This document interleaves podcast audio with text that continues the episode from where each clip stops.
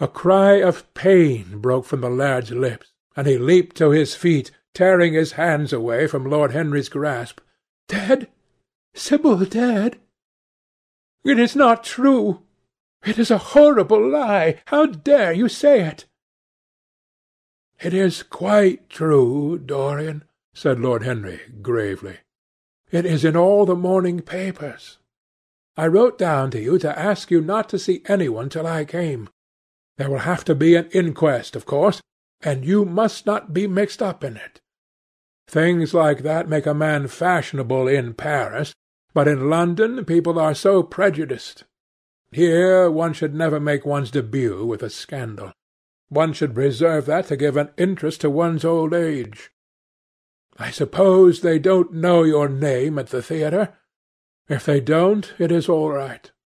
Did any one see you going round to her room? That is an important point." Dorian did not answer for a few moments. He was dazed with horror. Finally he stammered in a stifled voice, "Harry, did you say an inquest? What do you mean by that? Did Sibyl Oh, Harry, I can't bear it! But be quick. Tell me everything at once." "I have no doubt it was not an accident, Dorian, though it must be put in that way to the public. It seems that she was leaving the theatre with her mother about half-past twelve or so. She said she had forgotten something upstairs. They waited some time for her, but she did not come down again. They ultimately found her lying dead on the floor of her dressing-room. She had swallowed something by mistake, some dreadful thing they use at theatres. I don't know what it was, but it had either prussic acid or white lead in it. I should fancy it was prussic acid, as she seems to have died instantaneously. "Harry, Harry, it's terrible!" cried the lad. "Yes, it is very tragic, of course but you must not get yourself mixed up in it. I see by the Standard that she was seventeen. I should have thought she was almost younger than that. She looked such a child, and seemed to know so little about acting. Dorian, you mustn't let this thing get on your nerves. You must come and dine with me, and afterwards we will look in at the opera. It is a Patti night, and everybody will be there. You can come to my sister's box. She has got some smart women with her. So I have murdered Sibyl Vane, said Dorian Gray, half to himself. Murdered her as surely as if I had cut her little throat with a knife. Yet the roses are not less lovely for all that. The birds sing just as happily in my garden. And to-night I am to dine with you, and then go on to the opera, and sup somewhere, I suppose, afterwards. How extraordinarily dramatic life is! If I had read all this in a book, Harry, I would think I would have wept over it. Somehow, now that it has actually happened, and to me, it seems far too wonderful for tears.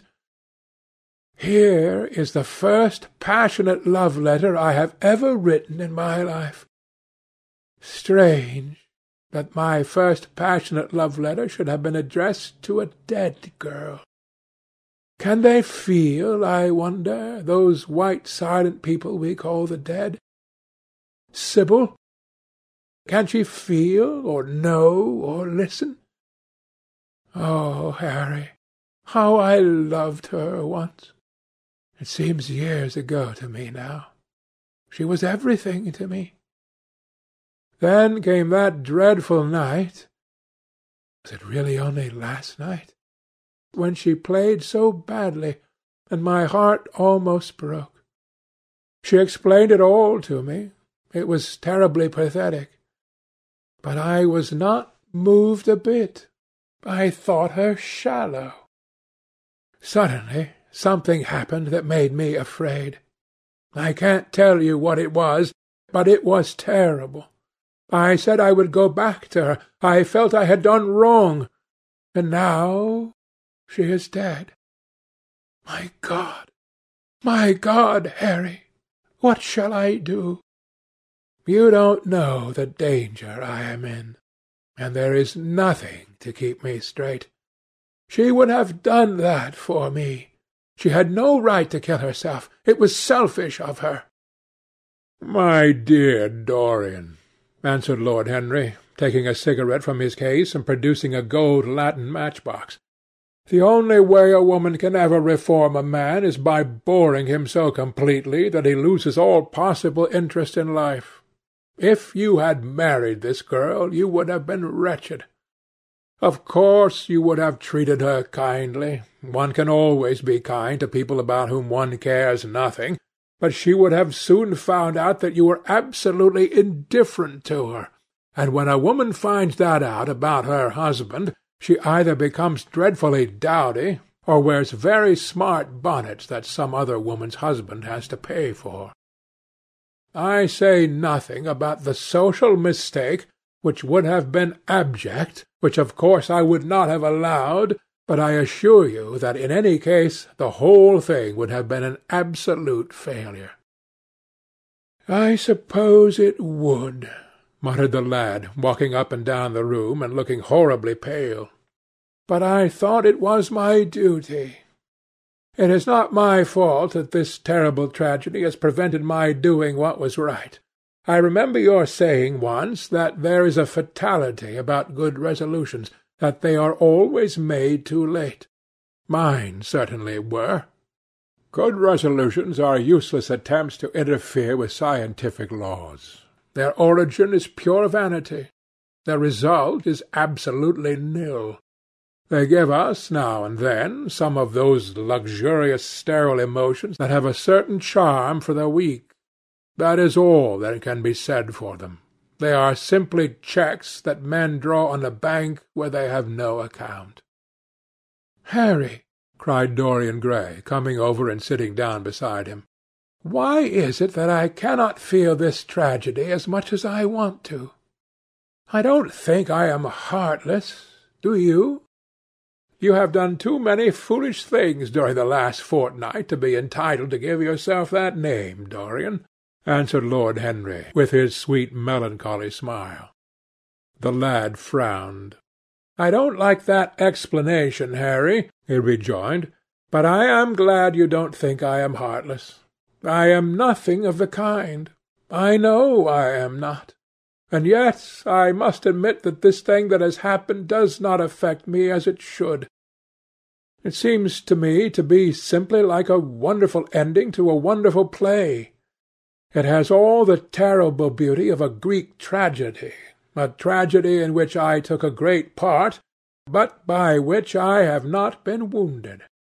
It is an interesting question, said Lord Henry, who found an exquisite pleasure in playing on the lad's unconscious egotism. An extremely interesting question.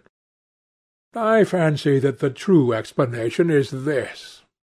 It often happens that the real tragedies of life occur in such an inartistic manner that they hurt us by their crude violence, their absolute incoherence, their absurd want of meaning, their entire lack of style. They affect us just as vulgarity affects us.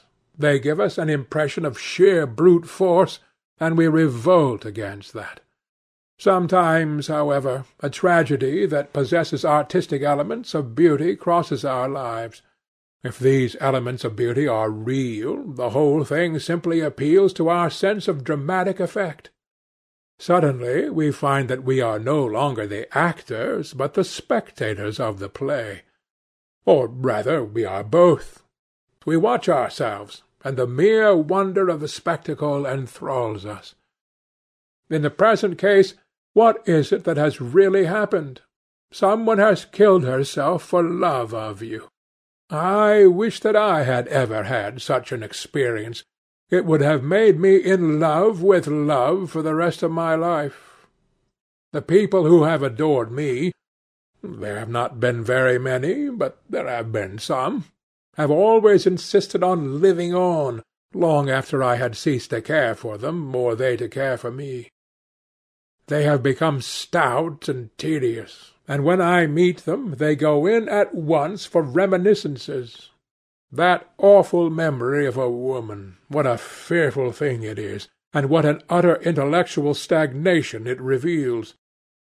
One should absorb the colour of life, but one should never remember its details. Details are always vulgar. "I must sow poppies in my garden," sighed Dorian. "There is no necessity," rejoined his companion. "Life has always poppies in her hands. Of course, now and then things linger. I once wore nothing but violets all through one season, as a form of artistic mourning for a romance that would not die. Ultimately, however, it did die. I forget what killed it. I think it was her proposing to sacrifice the whole world for me. That is always a dreadful moment. It fills one with the terror of eternity. Well, would you believe it? A week ago, at Lady Hampshire's, I found myself seated at dinner next to the lady in question, and she insisted on going over the whole thing again, and digging up the past and raking up the future. I had buried my romance in a bed of asphodel. She dragged it out again, and assured me that I had spoiled her life. I am bound to state that she ate an enormous dinner, so I did not feel any anxiety. But what a lack of taste she showed! The one charm of the past is that it is the past. But women never know when the curtain has fallen. They always want a sixth act, and as soon as the interest of the play is entirely over, they propose to continue it.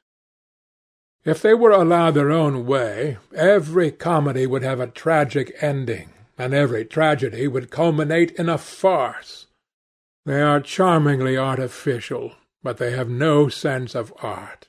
You are more fortunate than I am. I assure you, Dorian, that not one of the women I have known would have done for me what Sibyl Vane did for you. Ordinary women always console themselves. Some of them do it by going in for sentimental colours. Never trust a woman who wears mauve whatever her age may be, or a woman over thirty-five who is fond of pink ribbons. It always means that they have a history. Others find it a great consolation in suddenly discovering the good qualities of their husbands. They flaunt their conjugal felicity in one's face, as if it were the most fascinating of sins. Religion consoles some, its mysteries have all the charm of a flirtation, a woman once told me, and I can quite understand it. Besides, nothing makes one so vain as being told that one is a sinner. Conscience makes egotists of us all. Yes, there is really no end to the consolations that women find in modern life. Indeed, I have not mentioned the most important one. "What is that, Harry?" said the lad listlessly. "Oh, the obvious consolation. Taking some one else's admirer when one loses one's own. In good society that always whitewashes a woman. But really, Dorian, how different Sibyl Vane must have been from all the women one meets! There is something to me quite beautiful about her death. I am glad I am living in a century when such wonders happen. They make one believe in the reality of the things we all play with, such as romance, passion, and love. I was terribly cruel to her. You forget that. I am afraid that women appreciate cruelty, downright cruelty, more than anything else. They have wonderfully primitive instincts. We have emancipated them, but they remain slaves looking for their masters all the same. They love being dominated. I am sure you were splendid. I have never seen you really and absolutely angry, but I can fancy how delightful you looked. And, after all, You said something to me the day before yesterday that seemed to me at the time to be merely fanciful, but that I see now was absolutely true, and it holds the key to everything. What was that, Harry? You said to me that Sibyl Vane represented to you all the heroines of romance, that she was Desdemona one night and Ophelia the other, that if she died as Juliet, she came to life as Imogen. She will never come to life again now, muttered the lad, burying his face in his hands. No, she will never come to life. She has played her last part. But you must think of that lonely death in the tawdry dressing-room simply as a strange, lurid fragment from some Jacobean tragedy, as a wonderful scene from Webster or Ford or Cyril Tourneur. The girl never really lived, and so she has never really died. To you, at least, she was always a dream, a phantom that flitted through Shakespeare's plays and left them lovelier for its presence, a reed through which Shakespeare's music sounded richer and more full of joy. The moment she touched actual life, she marred it, and it marred her, and so she passed away. Mourn for Ophelia, if you like. Put ashes on your head because Cordelia was strangled. Cry out against heaven because the daughter of Brabantio died. But don't waste your tears over Sibyl Vane. She was less real than they are. There was a silence. The evening darkened in the room. Noiselessly, and with silver feet, the shadows crept in from the garden. The colours faded wearily out of things.